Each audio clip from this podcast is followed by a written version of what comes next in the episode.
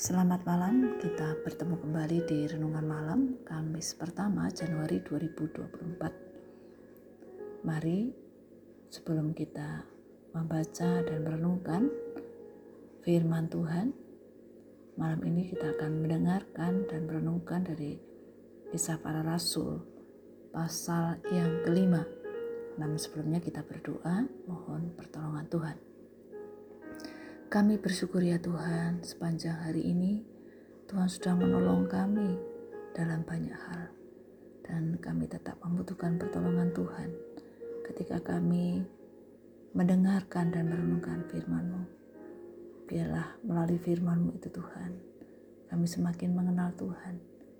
Iman kami semakin berbuah seturut dengan kehendak Tuhan.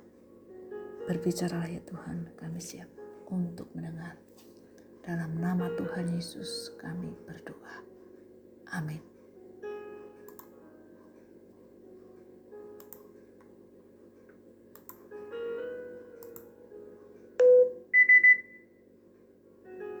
Kisah para Rasul pasal 5 Ada seorang lain yang bernama Ananias. Ia beserta istrinya, Safira, menjual sebidang tanah. Dengan setahu istrinya, ia menahan sebagian dari hasil penjualan itu dan sebagian lain dibawa dan diletakkannya di depan kaki rasul-rasul. Tetapi Petrus berkata, Ananias, mengapa hatimu dikuasai iblis? Sehingga engkau mendustai roh kudus dan menahan sebagian dari hasil penjualan tanah itu. Selama tanah itu tidak dijual, bukankah itu tetap kepunyaanmu? Dan setelah dijual, bukankah hasilnya itu tetap dalam kuasamu? Mengapa engkau merencanakan perbuatan itu dalam hatimu? Engkau bukan mendustai manusia, tetapi mendustai Allah. ketika mendengar perkataan itu, rebalah Ananias dan putuslah nyawanya. Maka sangatlah ketakutan semua orang yang mendengar hal itu. Lalu datanglah beberapa orang muda. Mereka mengapani mayat itu, mengusungnya keluar, dan pergi menguburnya. Kira-kira tiga jam kemudian, masuklah istri Ananias. Tetapi ia tidak tahu apa yang telah terjadi. Kata Petrus kepadanya, Katakanlah kepadaku, dengan harga sekiankah tanah itu kamu jual? Jawab perempuan itu, Betul sekian. kata Petrus, Mengapa kamu berdua bersepakat untuk mencobai roh Tuhan? Lihatlah, orang-orang yang baru mengubur suamimu berdiri di depan pintu dan mereka akan mengusung engkau juga keluar. Lalu rebahlah perempuan itu seketika itu juga di depan kaki Petrus dan putuslah nyawanya. Ketika orang-orang muda itu masuk, mereka mendapati dia sudah mati. Lalu mereka mengusungnya keluar dan menguburnya di samping suaminya. Maka sangat ketakutanlah seluruh jemaat dan semua orang yang mendengar hal itu. Dan oleh rasul-rasul diadakan banyak tanda dan mukjizat di antara orang banyak. Semua orang percaya selalu berkumpul di Serambi Salomo dalam persekutuan yang erat. Orang-orang lain tidak ada yang berani menggabungkan diri kepada mereka. Namun mereka sangat dihormati orang banyak. Dan makin lama makin bertambahlah jumlah orang yang percaya kepada Tuhan, baik laki-laki maupun perempuan. Bahkan mereka membawa orang-orang sakit keluar ke jalan raya dan membaringkannya di atas balai-balai dan tilam, supaya apabila Petrus lewat, setidak-tidaknya bayangannya mengenai salah seorang dari mereka, dan juga orang banyak dari kota-kota di sekitar Yerusalem datang berduyun-duyun serta membawa orang-orang yang sakit dan orang-orang yang diganggu roh jahat, dan mereka semua disembuhkan. Akhirnya, mulailah imam besar dan pengikut-pengikutnya, yaitu orang-orang dari Mashab Saduki, bertindak sebab mereka sangat iri hati. Mereka menangkap rasul-rasul itu, lalu memasukkan mereka ke dalam penjara kota.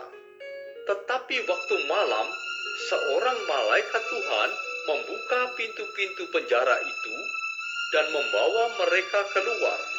Katanya, Pergilah, berdirilah di bait Allah, dan beritakanlah seluruh firman hidup itu kepada orang banyak. mereka mentaati pesan itu. Dan menjelang pagi, masuklah mereka ke dalam bait Allah, lalu mulai mengajar di situ. Sementara itu, imam besar dan pengikut-pengikutnya menyuruh mahkamah agama berkumpul, yaitu seluruh majelis tua-tua bangsa Israel. Dan mereka menyuruh mengambil rasul-rasul itu dari penjara. Tetapi ketika pejabat-pejabat datang ke penjara, mereka tidak menemukan rasul-rasul itu di situ. Lalu mereka kembali dan memberitahukan, katanya, Kami mendapati penjara terkunci dengan sangat rapinya, dan semua pengawal ada di tempatnya di muka pintu. Tetapi setelah kami membukanya, tidak seorang pun yang kami temukan di dalamnya. ketika kepala pengawal bait Allah dan imam-imam kepala mendengar laporan itu, mereka cemas dan bertanya apa yang telah terjadi dengan rasul-rasul itu. Tetapi datanglah seorang mendapatkan mereka dengan kabar, Lihat, orang-orang yang telah kamu masukkan ke dalam penjara ada di dalam bait Allah, dan mereka mengajar orang banyak. Pergilah kepala pengawal serta orang-orangnya ke bait Allah. Lalu mengambil kedua rasul itu, tetapi tidak dengan kekerasan, karena mereka takut. Kalau-kalau orang banyak melempari mereka, mereka membawa keduanya dan menghadapkan mereka kepada mahkamah agama. Imam besar mulai menanyai mereka. Katanya, Dengan keras kami melarang kamu mengajar dalam nama itu. Namun ternyata kamu telah memenuhi Yerusalem dengan ajaranmu. Dan kamu hendak menanggungkan darah orang itu kepada kami. Tetapi Petrus dan rasul-rasul itu menjawab, katanya, Kita harus lebih taat kepada Allah daripada kepada manusia. Allah nenek moyang kita telah membangkitkan Yesus yang kamu gantungkan pada kayu salib dan kamu bunuh. Dialah yang telah ditinggikan oleh Allah sendiri dengan tangan kanannya menjadi pemimpin dan juru selamat supaya Israel dapat bertobat dan menerima pengampunan dosa. Dan kami adalah saksi dari segala sesuatu itu. Kami dan Roh Kudus yang dikaruniakan Allah kepada semua orang yang mentaati Dia. mendengar perkataan itu sangatlah tertusuk hati mereka, dan mereka bermaksud membunuh rasul-rasul itu. Tetapi seorang Farisi dalam mahkamah agama itu yang bernama Gamaliel, seorang ahli Taurat yang sangat dihormati seluruh orang banyak, bangkit dan meminta supaya orang-orang itu disuruh keluar sebentar. Sesudah itu, ia berkata kepada sidang, Hai orang-orang Israel, pertimbangkanlah baik-baik apa yang hendak kamu perbuat terhadap orang-orang ini. Sebab dahulu telah muncul si Teudas yang mengaku dirinya seorang istimewa dan ia mempunyai kira-kira 400 orang pengikut. Tetapi ia dibunuh dan cerai berailah seluruh pengikutnya dan lenyap. Sesudah dia, pada waktu pendaftaran penduduk, muncullah si Yudas, seorang Galilea. Ia menyeret banyak orang dalam pemberontakannya, tetapi ia juga tewas dan cerai-berailah seluruh pengikutnya. Karena itu, aku berkata kepadamu, janganlah bertindak terhadap orang-orang ini. Biarkanlah mereka, sebab jika maksud dan perbuatan mereka berasal dari manusia, tentu akan lenyap. Tetapi kalau berasal dari Allah, kamu tidak akan dapat melenyapkan orang-orang ini. Mungkin ternyata juga nanti bahwa kamu melawan Allah. Nasihat itu diterima. Mereka memanggil rasul-rasul itu, lalu menyesat mereka dan melarang mereka mengajar dalam nama Yesus. Sesudah itu mereka dilepaskan. Rasul-rasul itu meninggalkan sidang mahkamah agama dengan gembira, karena mereka telah dianggap layak menderita penghinaan oleh karena nama Yesus. Dan setiap hari mereka melanjutkan pengajaran mereka di bait Allah dan di rumah-rumah orang dan memberitakan Injil tentang Yesus yang adalah Mesias. Dalam kisah para rasul pasal 5 ini kita diingatkan bagaimana iblis itu berperang di dalam hati, berusaha memenuhi pikiran dan perasaan manusia dengan ketamaan, tipu daya, dan kemunafikan. Namun orang-orang berdosa tidak dapat berdalih dengan mengatakan bahwa iblislah yang menyuruh mereka melakukannya. Ananias dan Safira hatinya dikuasai iblis. Mereka dengan sengaja mendustai Allah. Dikatakan dalam ayat yang keempat. Akibatnya, Allah menghakimi mereka dengan adil di mana mereka telah menunjukkan kebenaran yang palsu. Bagaimana seharusnya peristiwa ini mengajarkan kita untuk takut akan Tuhan. Para rasul memberitakan firman yang hidup firman yang memberi kehidupan.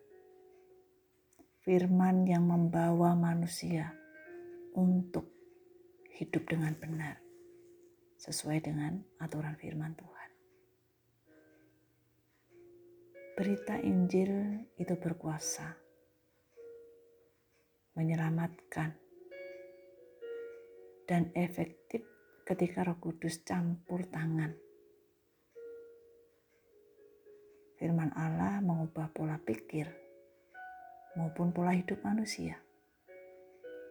Allah menggunakan firman-Nya untuk menghidupkan jiwa yang mati secara rohani, untuk meningkatkan kehidupan di dalam jiwa yang percaya, jiwa orang percaya. Bagaimana hal ini seharusnya mempengaruhi cara kita mendengar firman-Nya, membaca kebenaran firman-Nya. Bagaimana pula hal ini seharusnya memotivasi untuk memberitakan firman kepada orang lain yang belum percaya. Secara alamiah, sesuatu yang wajar, kita akan menghindar dari penderitaan dan tidak ada satupun bagian Alkitab yang memerintahkan kita untuk memilih penderitaan demi penderitaan itu sendiri. Namun, jika kita melakukan hal yang benar, namun mendatangkan penderitaan, janganlah kita mundur. Tetapi marilah kita belajar dari para rasul untuk memahami penderitaan sebagai hak istimewa dalam terang tujuan Allah. Ingatlah bahwa firman yang hidup itu memberikan kita kehidupan yang benar. Hidup kita berikan dampak yang benar berdasarkan firman-Nya. Tuhan menolong kita untuk hidup sesuai firman-Nya. Kita berdoa. Kami bersyukur ya Tuhan, kembali kami diingatkan bahwa perkataan Tuhan, firman Tuhan itu sungguh berkuasa dalam kehidupan orang percaya. Hanya firman-Mu yang mampu mengubah pola pikir dan pola hidup kami dalam menjalani kehidupan di tengah-tengah dunia ini. Oleh sebab itu ya Tuhan, tolonglah kami untuk sungguh-sungguh dengan bersandar kepada Tuhan, mengandalkan Tuhan untuk hidup sesuai dengan firman Tuhan, sehingga hidup kami pun kedapatan berkenan di hadapan Tuhan. Terima kasih, terpujilah nama Tuhan. Dalam nama Yesus kami berdoa. Amin. Bapak Ibu, selamat malam, selamat beristirahat. Tuhan Yesus menolong kita, Tuhan Yesus beserta dengan kita semua. Amin.